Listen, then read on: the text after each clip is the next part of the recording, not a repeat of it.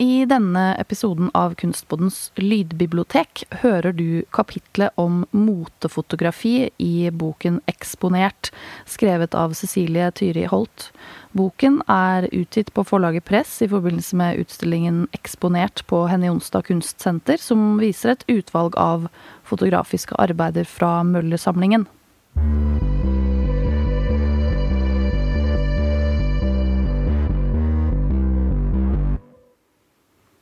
Motefotografi. Som en formidler av trender har motefotografiet spilt ulike roller gjennom historien.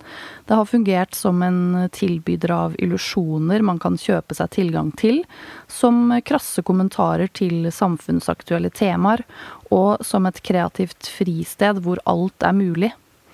Kjønnsdimensjonen har fra første stund vært fremtredende, da motefotografiet kan stå som det ultimate eksempelet på mannens blikk på og objektivisering av kvinnen, samtidig som det har vært en arena for å utforske kjønnsrollestrukturer, og nettopp utfordre populærkulturens etablerte, stereotypiske kvinnefremstillinger.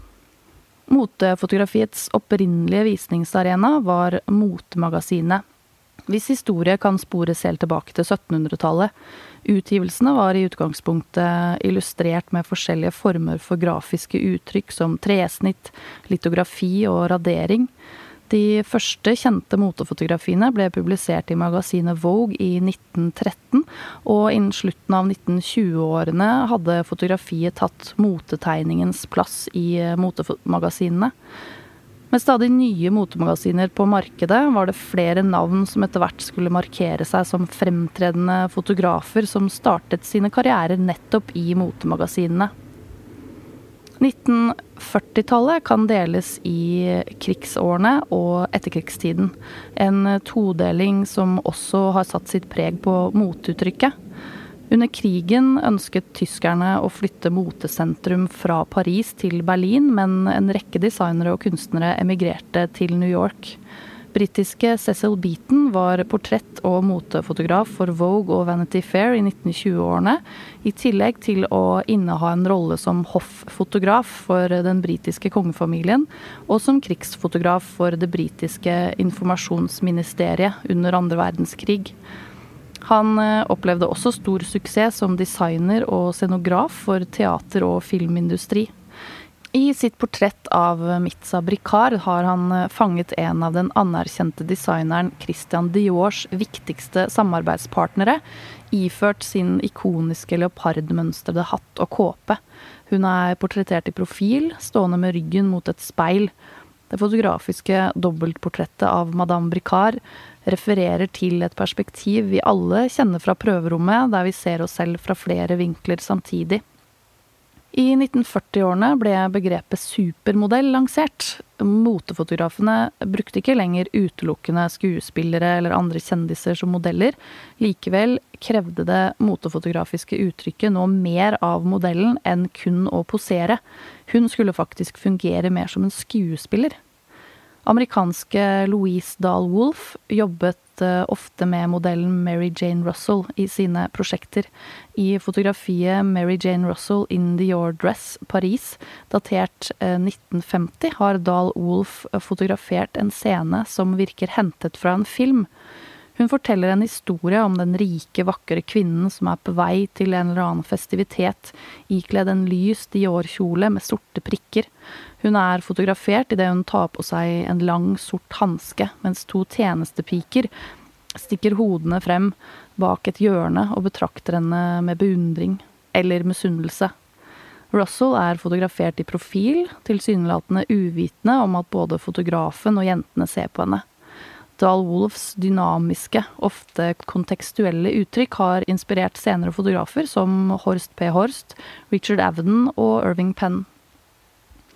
I det nye motefotografiske uttrykket som Dahl Wolf representerer, inngikk modellen i et nøye iscenesatt og komponert narrativ. Når fotografer som Dahl Wolf bruker billedrommet som en scene til å fortelle en historie, snarere enn at modellen fotograferes i mer naturlige kontekster som vi lett kan relatere oss til, forsterkes fiksjonen, og en gjenkjennbar forbindelse til den som er fotografert, forsvinner. Modellene i motefotografiet fra 1950-tallet skulle ikke lenger forveksles med vanlige kvinner. Som en videreføring av tendensen Dahl Wolf representerer, ble det et skille mellom oss og Twiggy. Som et punktum i denne utviklingen og en begynnelse på en tradisjon med å få objektiviserende kvinnefremstillinger inn med morsmelka til kommende generasjoner, lanserte den amerikanske leketøysprodusenten Mattel Inc. Eh, det populærkulturelle ikonet Barbie 9.3.1959. Irving Penn jobbet som fotograf for Vogue i over 60 år. I hans kontrastfylte fotografier av Jean Shrimpton fremstår modellen nærmest todimensjonal mot den kritthvite bakgrunnen som fremhever modellens kropp som en sort silhuett. Klærne får en skulpturell form, og modellens silhuett fremhever det grafiske i fotografiet. Det fotografiske uttrykket med store kontraster mellom lyse og mørke partier, bruk av helt hvite bakgrunner hvor tak, gulv og vegg går i ett, og negativets sorte ramme inkluderes i utsnittet, har influert mange fotografer innen både portrett og motefotografi, som blant andre Richard Avedon. Kvinnen som sitter innhyllet i hvite blonder på en gressplen fotografert av britiske David Bailey, har eh, beveget seg nærmere den frigjorte kvinnen som fungerer som ikonet for 60-tallet. Motefotografiet kan helt siden begynnelsen av det 20. århundre problematiseres i forhold til fremstillingen av ulike kvinneroller og generaliseringer i mediene. På 1960-tallet ble likevel et nytt perspektiv gjeldende i motefotografiet det seksualiserende blikket. Motefotografiet speiler på mange måter samfunnets utvikling, samtidig som det motivmessig kan sjokkere. På 1970-tallet var sjangeren preget av den seksuelle revolusjonen som inntok den vestlige verden. En representant for det seksualiserte motefotografiet er tysk-australske Helmut Newton. Man kan kanskje tro at den eh, seksuelle frigjøringen også innebar et mindre objektiviserende blikk på kvinnen i motefotografiet, men det er i stor grad ikke tilfellet. Newton virket som fotograf for franske og britiske Vogue og franske L. I fotografiet Hollywood fra 1976 har han fotografert en naken kvinne i frontal helfigur mens hun beveger seg mot kamera ved siden av en stor, sort bil. Scenen er satt i en garasje, og motivet er avbildet fra bakkenivå, slik at bilens store grill opptar størsteparten av billedflaten. Kameraets plassering får også kvinnen til å fremstå ruvende under det lave garasjetaket. Newton kan, har selv en rekke ganger poengtert sitt gjennomgående behov for å trekke inn erotikk i sine fremstillinger av kvinner, delvis som et ledd i en bearbeiding av autoritære symboler og effekter. Han bruker og dekonstruerer det man kan beskrive som en maskulin, militær, nazistisk estetikk som var fremtredende i hans ungdomsår da han fortsatt bodde i Tyskland. Dette kommer frem ved at Newton kan kle sine modeller i lær eller instruere dem til å innta posisjoner med referanser til SM-erotikk. Motefotografiet kan drøftes som eh, presentasjoner av en periodes tidsånd, men uansett hvor fristilt motefotografiets kunstneriske uttrykk har utviklet seg til å bli, må det like fullt forholde seg til en kommersiell kontekst. Det har som konkret mål å promotere klær, identitet og livsstil, men har på veien også blitt kunst. I den sammenhengen kan man spørre om det er fotografens intensjon, uttrykk eller visningssammenheng som avgjør et fotografis kunstneriske status. En klar indikasjon på at mote og motefotografiet etter hvert fikk en plass på kunstscenen, var da den japanske fotografen Sakatas fremstilling av en kvinne iført et plagg signert den japanske avantgarde-designeren Issey Miyake, prydet forsiden på februarutgaven av samtidskunstmagasinet Art Forum i 1982.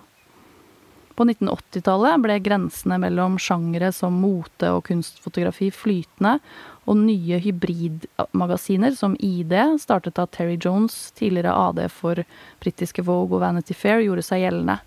De nye publikasjonene skulle få mye å si for utviklingen av motefotografiet. Motefotografiet har ikke bare flørtet med kunstfotografiet. Etter hvert utviklet det seg også en glidende overgang mellom motefotografi og dokumentarfotografi.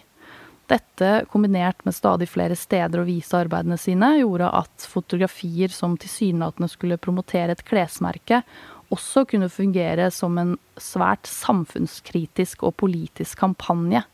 Et sentralt eksempel er klesmerket United Colors of Benettons kontroversielle samarbeid med fotografen Oliviero Toscani. Gjennom en rekke fotografiske kampanjer på 1990-tallet satt Toscani søkelyset på sosiale temaer som aids og rasisme, med United Colors of Benettons knallgrønne logo godt synlig. Til tross for at bildene hovedsakelig ble distribuert i magasiner som henvendte seg til kvinnelige lesere, startet motefotografiet som et uttrykk for mannens blikk på og påfølgende objektivisering av kvinnen.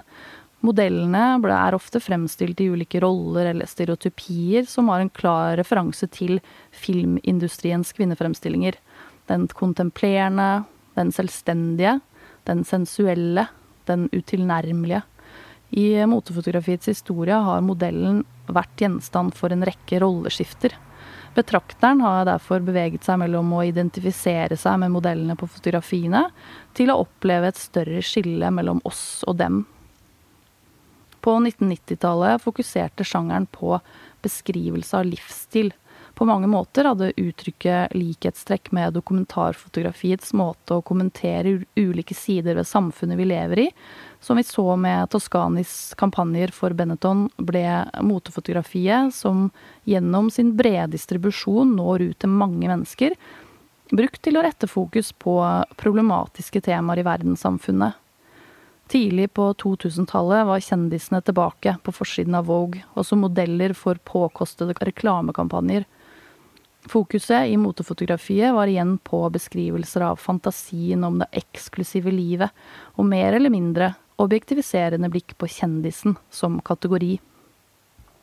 En eh, fotograf som nettopp har problematisert medienes, også motefotografiets, ulike kvinnefremstillinger, er amerikanske Cindy Sherman, som har influert en rekke senere fotografer både i kunst- og motefeltet.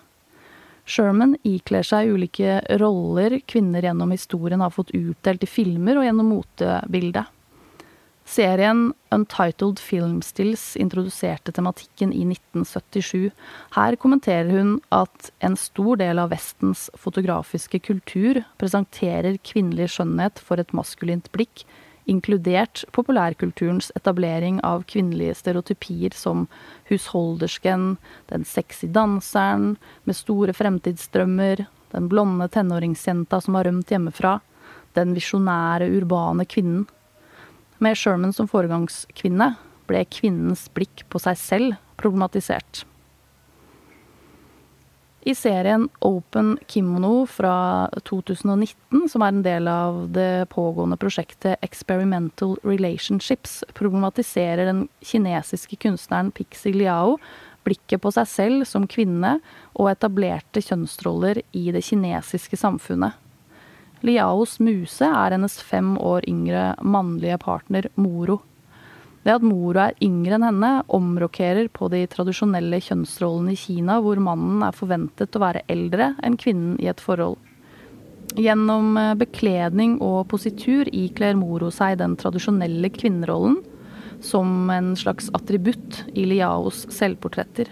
Kjønnsrolleskiftet i fotografiene fremhever det unaturlige, absurde og ofte humoristiske i at kvinnen skal være underdanig og objektifiseres av mannen.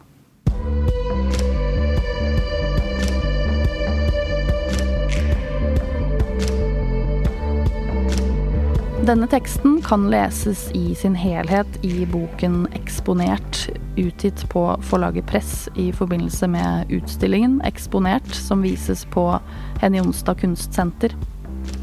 Kunstpodden lages med støtte fra Koro, Kulturrådet og Fritt Ord. Jeg heter Cecilie Tyriholt. Vi høres i neste episode.